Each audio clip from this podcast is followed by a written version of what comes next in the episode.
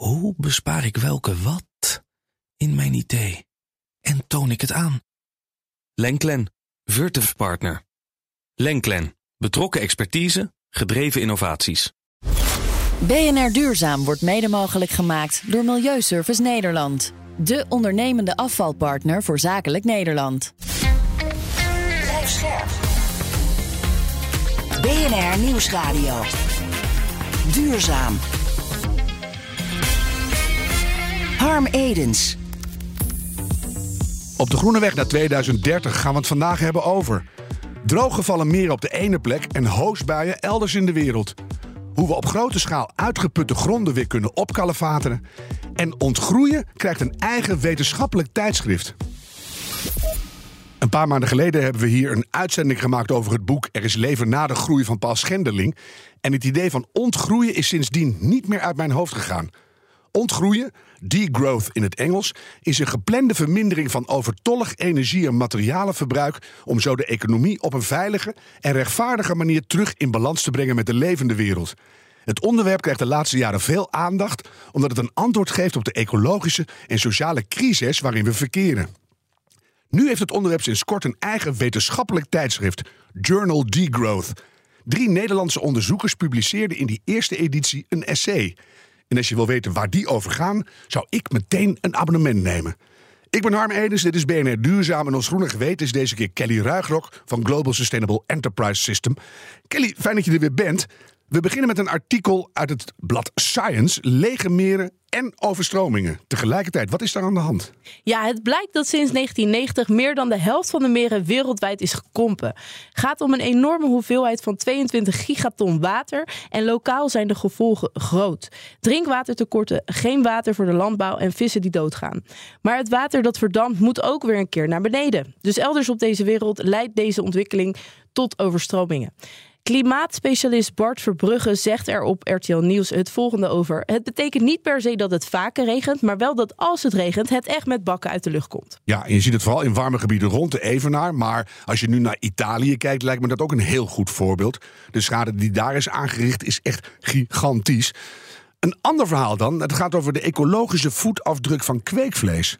Ja, heb je wel eens een broodje kweekvlees op? Nee, wel eens naast gestaan, maar dat, dat is het dichtst erbij dat ik gekomen ben. Nou, wordt vaak gezegd het is een duurzamer alternatief voor traditioneel vlees. Je hebt namelijk veel minder land, voer, water en antibiotica nodig dan bij veeteelt. Maar onderzoekers van de Universiteit van Californië stellen nu vast... de ecologische voetafdruk van kweekvlees is waarschijnlijk tussen 4 en 25 maal groter dan die van rundvlees. Laat dat even op je inwerken. Het is dus vooral de voedingsvloeistof die veel energie slurpt. Er moet dus heel veel nog geïnnoveerd worden voordat we dit echt een duurzamer alternatief mogen gaan noemen. Ja, als het dan gaat lukken. Gelukkig zijn er ook andere manieren van uh, nieuwe vleesproducties. Dus uh, het, het, is volop in ontwikkeling. Tot slot, er zijn steeds meer keurmerken voor eten en drinken. Op de Wageningen University and Research werken ze nu aan een geharmoniseerd label voor al die voedselproducten. Gebaseerd op Europese eisen met gestandaardiseerde metingen volgens vastgestelde indicatoren. Denk je dat zo'n label echt gaat zorgen voor het feit dat bedrijven gaan verduurzamen? Nou, het ligt heel erg aan de zichtbaarheid van zo'n label. Het ligt ook aan wat neem je dan allemaal mee. En um, harmoniseren, wat is daar de definitie van? Dus op het moment dat het makkelijker wordt en toegankelijker wordt om te meten en te rapporteren. En er duidelijkheid is over de definitie, dan gaat dat zeker helpen. Mm -hmm. uh, je ziet dat nu al bij verschillende productmetingen die worden gedaan bij uh, uh, andere retailers, bijvoorbeeld, wat niet over food gaat. Daar is de impact best wel groot. Dat, dat mensen en eindklanten daarnaar kijken. Ja. Maar in de voeding is dat wel een hele grote uitdaging. En als je ze erop zet, moeten ze ook kloppen. Hè? Want beter ja. voor boer, natuur en kip, die is een beetje dubieus. BNR Duurzaam.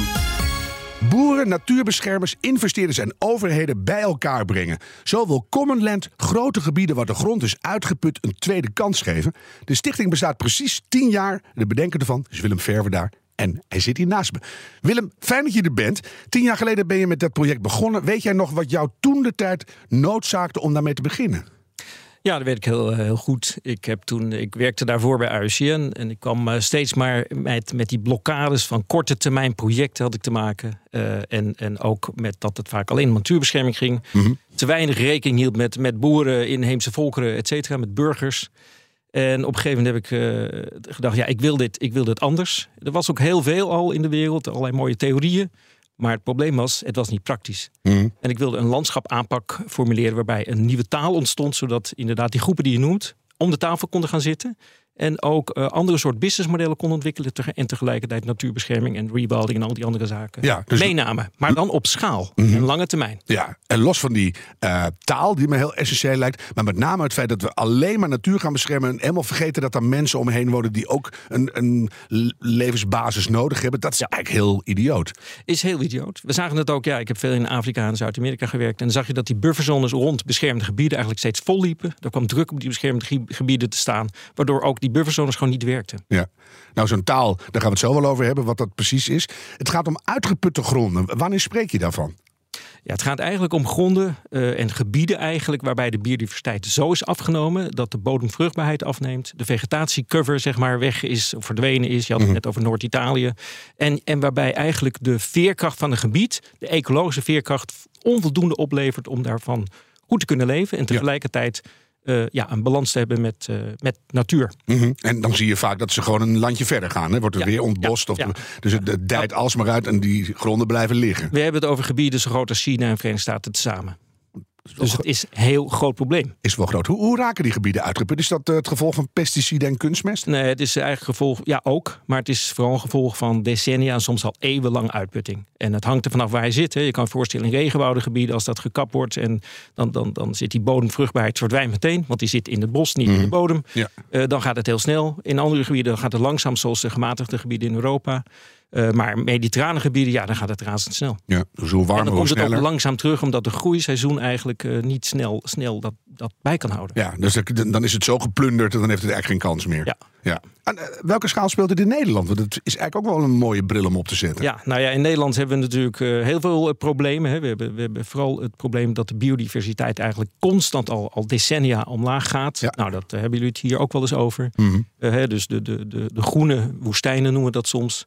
Eh, er wordt daar, en dus ook hier heb je het bufferprobleem. Het, het, het, het gro- een groot deel van Nederland komt dit ook voor. Dus Mm. ook in Nederland speelt dit. eh, alleen omdat we heel erg afhankelijk zijn van industrie en ook van, eh, van import en export. merken we dat in ons, hui- eh, ja, in ons huishoudboekje eigenlijk niet zo snel. Nee, we kunnen het, als we die kosten niet berekenen, kunnen we het redelijk weg, wegboekhouden. Ja. Maar als je naar die gronden kijkt, dan zou je zeggen, eh, tot eh, behoorlijk lang geleden kon de natuur dat zelf elk jaar weer een beetje bijklussen. Maar nu zijn we alleen maar aan het plunderen. Nou, kijk, nog even terug op Nederland. We, hebben natuurlijk een fanta- we zijn in een delta. En een delta is een fantastische bodem. Als je het puur over de bodem heb- eh, gaat hebben. Als je naar andere gebieden gaat, zoals Spanje, waar we werken in een gebied eh, zo groot eh, als, als, Noord, als twee keer Noord-Brabant, Ja. 1 miljoen hectare, dan heb je een heel ander verhaal. Dan zie je dat die bodem daar al eeuwenlang eigenlijk verwoest is. En met name de laatste 50 jaar ook door chemische middelen.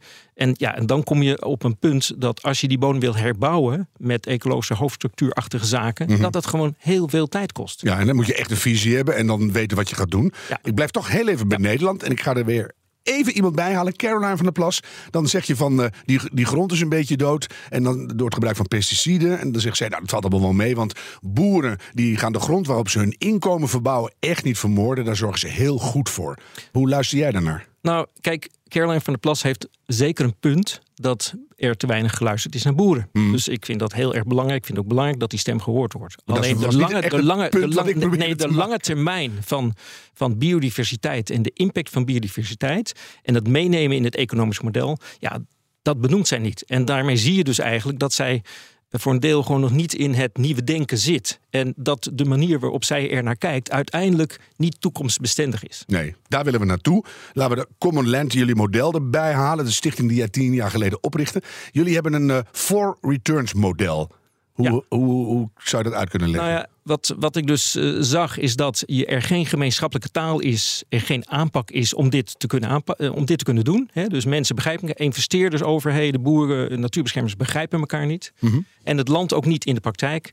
En als je gewoon kijkt naar die gedegradeerde gebieden wereldwijd, dan zie je dat elk gebied eigenlijk kenmerk, ken- gekenmerkt wordt door vier verliezen. Mensen zijn hun hoop verloren, dus gaan weg. Mensen zijn hun gemeenschap verloren. Mensen zijn het economisch model, dus ze verdienen niet meer, ze kunnen niet meer van leven. En natuurlijk de biodiversiteit. Dat zijn er vier. Ja. Die vier verliezen heb ik eigenlijk in een vier returns aanpak neergezet. Want je hebt het uiteindelijk over risico's en returns. Ja. Dan begrijpt ook het bedrijfsleven veel Aha. beter. En dat, dat betekent dat je eerst moet teruggaan naar de inspirationele return. Die moet je echt neer gaan zetten. Je moet de sociale return uh, duidelijk maken. Kan je Ja. ook allemaal meten. De biodiversiteit of de natural return. En uiteindelijk kom je bij de duurzame financiële return. Ja, en dan eh, als je ergens kan wonen en eh, volhoudbaar kan, kan telen, om het maar zo te noemen, dan Ja. komt de hoop vanzelf weer terug, toch? Even Kelly tussendoor. Ja, return of inspiration, social return, natural return, financial return. Dat is eigenlijk, hè, dat zijn de pijlers waar je op stuurt. Als je dan kijkt naar natural return, dan is dat echt per definitie restoring biodiversity. Dus terugkomend op Caroline, ehm, zeker waar dat de boeren te weinig gehoord zijn. Maar het is natuurlijk wel zo dat in wet en regelgeving nu heel veel biologische bestrijdingsmiddelen gewoon eigenlijk ergens tussen wal en schip vallen, want dat heel vaak niet mag, ofwel niet mogelijk is in sommige eh, hoedanigheden. En dat daar nog heel veel op te winnen is. Net als dat heel veel boeren gewoon biologisch willen boeren, zeg maar. Maar dat gewoon nog niet kunnen, of het is onbetaalbaar. En daar zitten wel die verschillen, waarin ik hoop dat in jouw aanpak dat wel naar voren komt. Hè? En dat dat wel zichtbaar wordt en dat al die actoren daarop gaan spelen. Want wat je doet is heel mooi. Je brengt eigenlijk al die actoren bij elkaar om één stuk land te gaan beheren. Dus we hebben in Nederland natuurlijk de biodiversiteitsmonitor. Dus hoe zit dat met natural? eh, Het was een ja. hele lange inleiding naar Ja. een vraag, eh, Willem. Nou, die vraag zal ik proberen te beantwoorden. Er zijn een aantal vragen in elkaar. Hè? Maar allereerst werken wij bottom-up in hele grote gebieden, want dan gaat die ecologie werken. Dus we hebben het over gebieden groter dan provincies of Luxemburg. Ja? Ja. Ten tweede, eh, als we het niet bottom-up doen, dan zal het ook van top-down moeilijk gedragen worden. Die top-down komt later, want er zijn talloze clubs, ik heb er zelf jaren bij gewerkt, die bezig zijn met policy-beïnvloeding, het true price, et cetera. Hartstikke goed, moet ook gebeuren. Ondertussen moeten die boeren en die mensen die daar wonen begrijpen. Daarvoor hebben we ook de drie zonen aanpakken. Dat elk landschap moet je kunnen verdelen in een natuurlijke zone, wat die je beschermt, met ecologische corridors verbindt. Een combine zone waarbij je de combinatie maakt van landgebruik, dus boeren, landbouw en biodiversiteit. Dan kom je dus meer op regeneratieve landbouw. En dat zijn processen. Ja. Ga je uiteindelijk wel, wellicht ook naar biologisch regeneratief toe. Want biologisch hoeft niet regeneratief te zijn.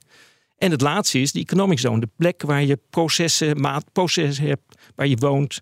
Heel veel van de producten worden namelijk buiten die gebieden geprocessed, processing gedaan. En je wil die financiële returns binnenhouden. Dus die keten wordt korter en je maakt het in zo'n drie-stappenplan. Ja. Dan zeg je ook nog, het moet samen gebeuren. Hè? Eh, dat, dat klinkt heel mooi, maar het is ook meteen nog heel erg vaag. Heb jij een praktijkvoorbeeld waarvan je kan laten zien... kijk, daar werkt het, daar doen wij dit al. Ja, nou, we werken inmiddels in 23 landen, waarvan we zijn we in, in, in vijf begonnen. Hè. We werken in India, Zuid-Afrika, Australië, Spanje en ook in Nederland. Een Eiland met een lange ei, punt land trouwens. Oh ja.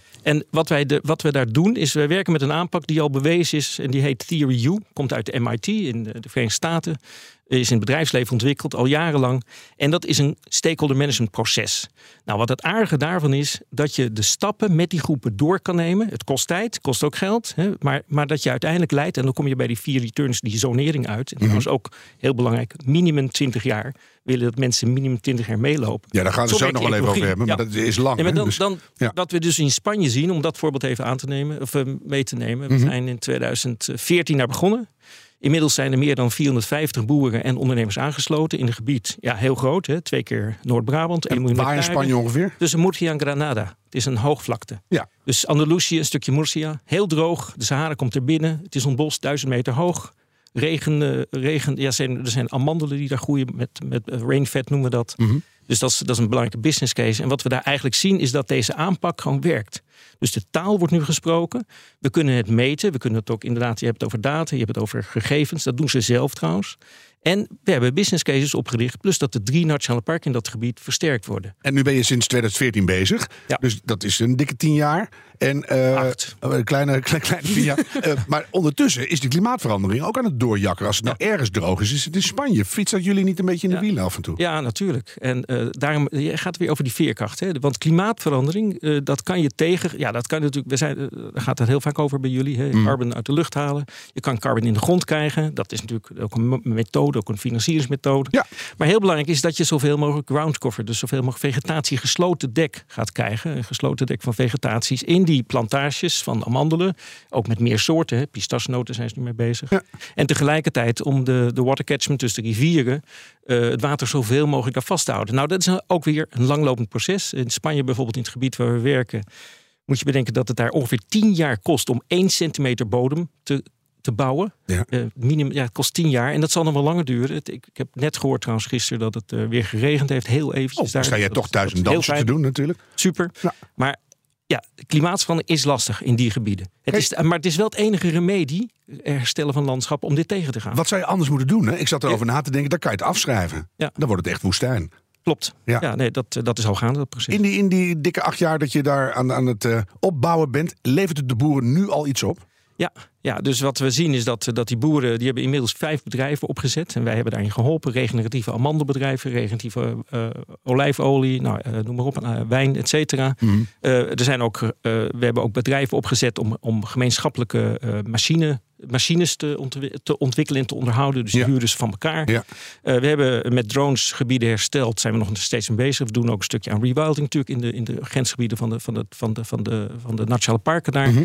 En we zijn inmiddels bezig met 30.000 hectare verbindingszones aan het aanleggen tussen die beschermde gebieden. En dat zijn dunne stroken. Dus je denkt, ja, 30.000 hectare, dat is niet zoveel. Hè? Maar tegelijkertijd een strook van twee meter. En dan die door het landschap gaat. En dan verschillende boeren. Want je moet met die boeren praten om ze te overtuigen dat ze een stukje meedoen met die Dat daar een structuur ontstaat Ja, ook. Dan krijg je groene langer hubs en noem maar op. Ja. Dus dan, ja, maar dan, moet je dus heel veel Ja. met elkaar aan de slag gaan, zodat ze begrijpen waarom ze dit willen en moeten doen. Ja. Dus je moet praten. En je dat- moet een soort bijzonder prettig vergezicht schilderen. Ja, en dat hebben we dus samen met hem het eerste jaar gedaan. Die visie hebben we ontwikkeld in een lange termijn plan. BNR Nieuwsradio. Duurzaam. Edens. Overal in de wereld veranderen vruchtbare gronden in groene woestijnen door onder andere de grootschalige inzet van kunstmest en pesticiden. Willem Verwerda wil daar met Common Land iets aan doen. Met hem praten we over het behoud en herstel van natuur. En Kelly Ruigrok is ons groene geweten. Willem, eh, we, hebben net al, het moet lange termijn, hè, valt steeds. Investeerders zijn een onmisbare schakel in jouw Common Land project. Eh, die, die willen return on investment. Je kan het woord bijna niet meer horen, maar eh, dan kom jij met, ja, dat duurt 20 jaar. Nou ja, kijk, eh, je moet realistisch zijn. Hè? Dus die, die, eh, wat wij zeggen tegen investeerders, doe met ons mee, maar wees realistisch. Je kan niet 10 of 20 procent halen binnen een paar jaar. Je moet eh, lange adem hebben. En dit, dit, hier word je bepaald door de ecologie. Maar En- waarom doen ze dan toch mee? Dan Nou, je, nou, je ziet, je ziet een, een groep investeerders, nogmaals, het zijn een kleine groep investeerders die, dit, die hierin geloven. Hè, dus dan heb je het vooral over private investment. De pensioenfondsen willen ook wel die kant op, maar ja, de financiële return, hè, je moet pensioenen uitbetalen, dat is nog een lastige. Kijk, wat ons verhaal is, is adopteer een landschap met elkaar. Laten we dit samen doen. Of het nou een grote corporate is of een aantal corporates. We spreken onder andere met Danone. Of met, eh, met een aantal investeerders. En natuurlijk filantropen. Want die, die lange termijn financiering van die lokale teams... dat wil tot nu, tot nu toe niemand betalen, behalve de filantropie. Ook overheden willen dat nog steeds helaas niet betalen. Wil ik even Kelly horen, want jij bent toch een beetje de jeugd hier aan tafel. Eh, dus hele grote pensioenfondsen en bedrijven willen niet investeren in jouw toekomst, Kelly.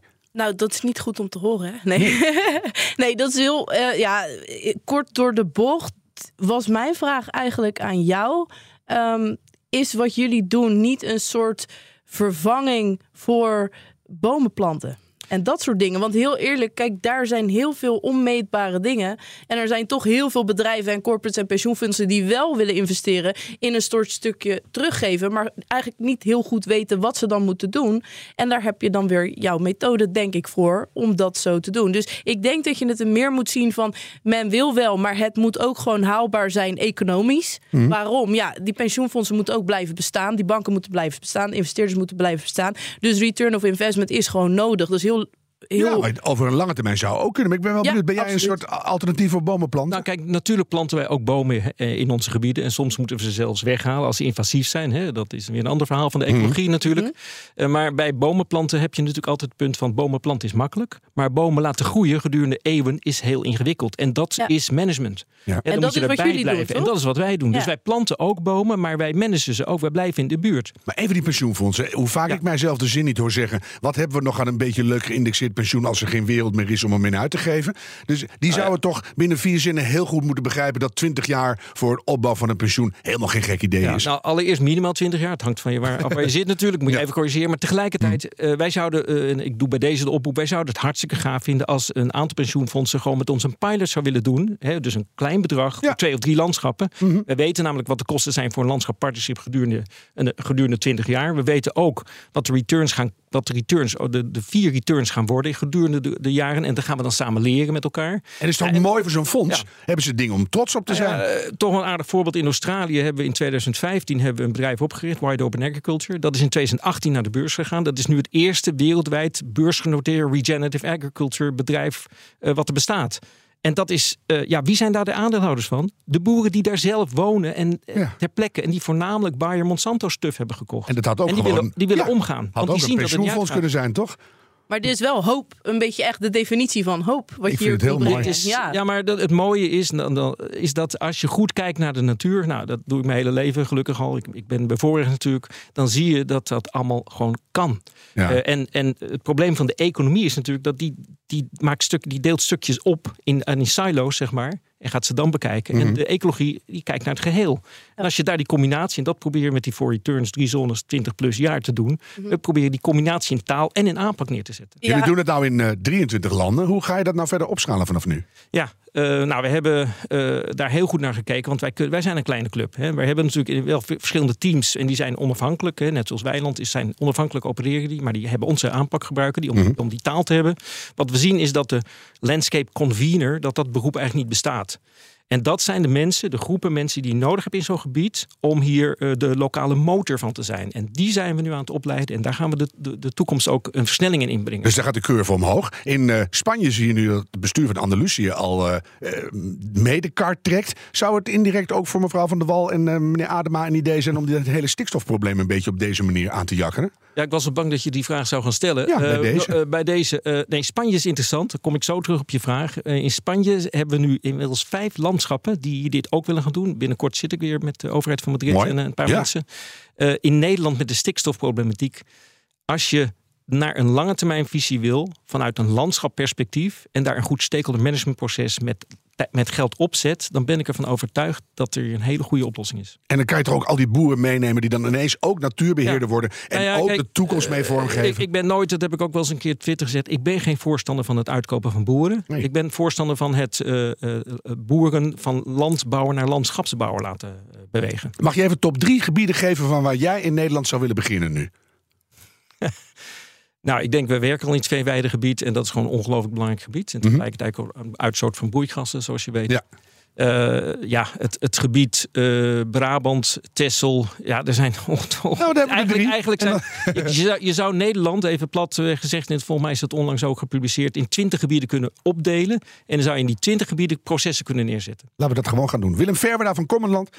Heel veel succes met je missie en hou ons op de hoogte. Want, eh, nou, zoals Kelly zei, het is enorm hoopgevend. Dankjewel. Kelly, wat eh, vertel jij vanavond door aan de avondtafel? Ja, ehm, connectie, ecologie, taxonomie. Want dat vind ik echt heel gaaf hoe je dat eh, eh, eh, eh, ja, gebruikt eigenlijk. En één taal spreken om een heel gebied aan te pakken met iedereen die meewerkt. Ja, dat klinkt als muziek in de oren, dus dat ga ik vooral navertellen. Dankjewel. Ja, en dat we eindelijk eh, niet meer accepteren dat de hele boel verwoestijniseert in de wereld. Want ah, oh, waar je ook kijkt, bossen gaan weg en woestijn rukt op.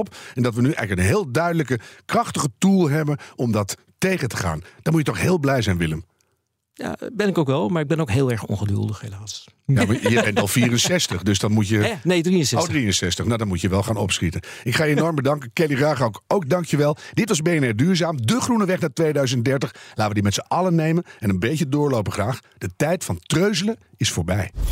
BNR Duurzaam wordt mede mogelijk gemaakt door Milieuservice Nederland. De ondernemende afvalpartner voor zakelijk Nederland. Hoe bespaar ik welke wat in mijn idee? En toon ik het aan? Lenklen, Virtuf Partner. Lenklen, betrokken expertise, gedreven innovaties.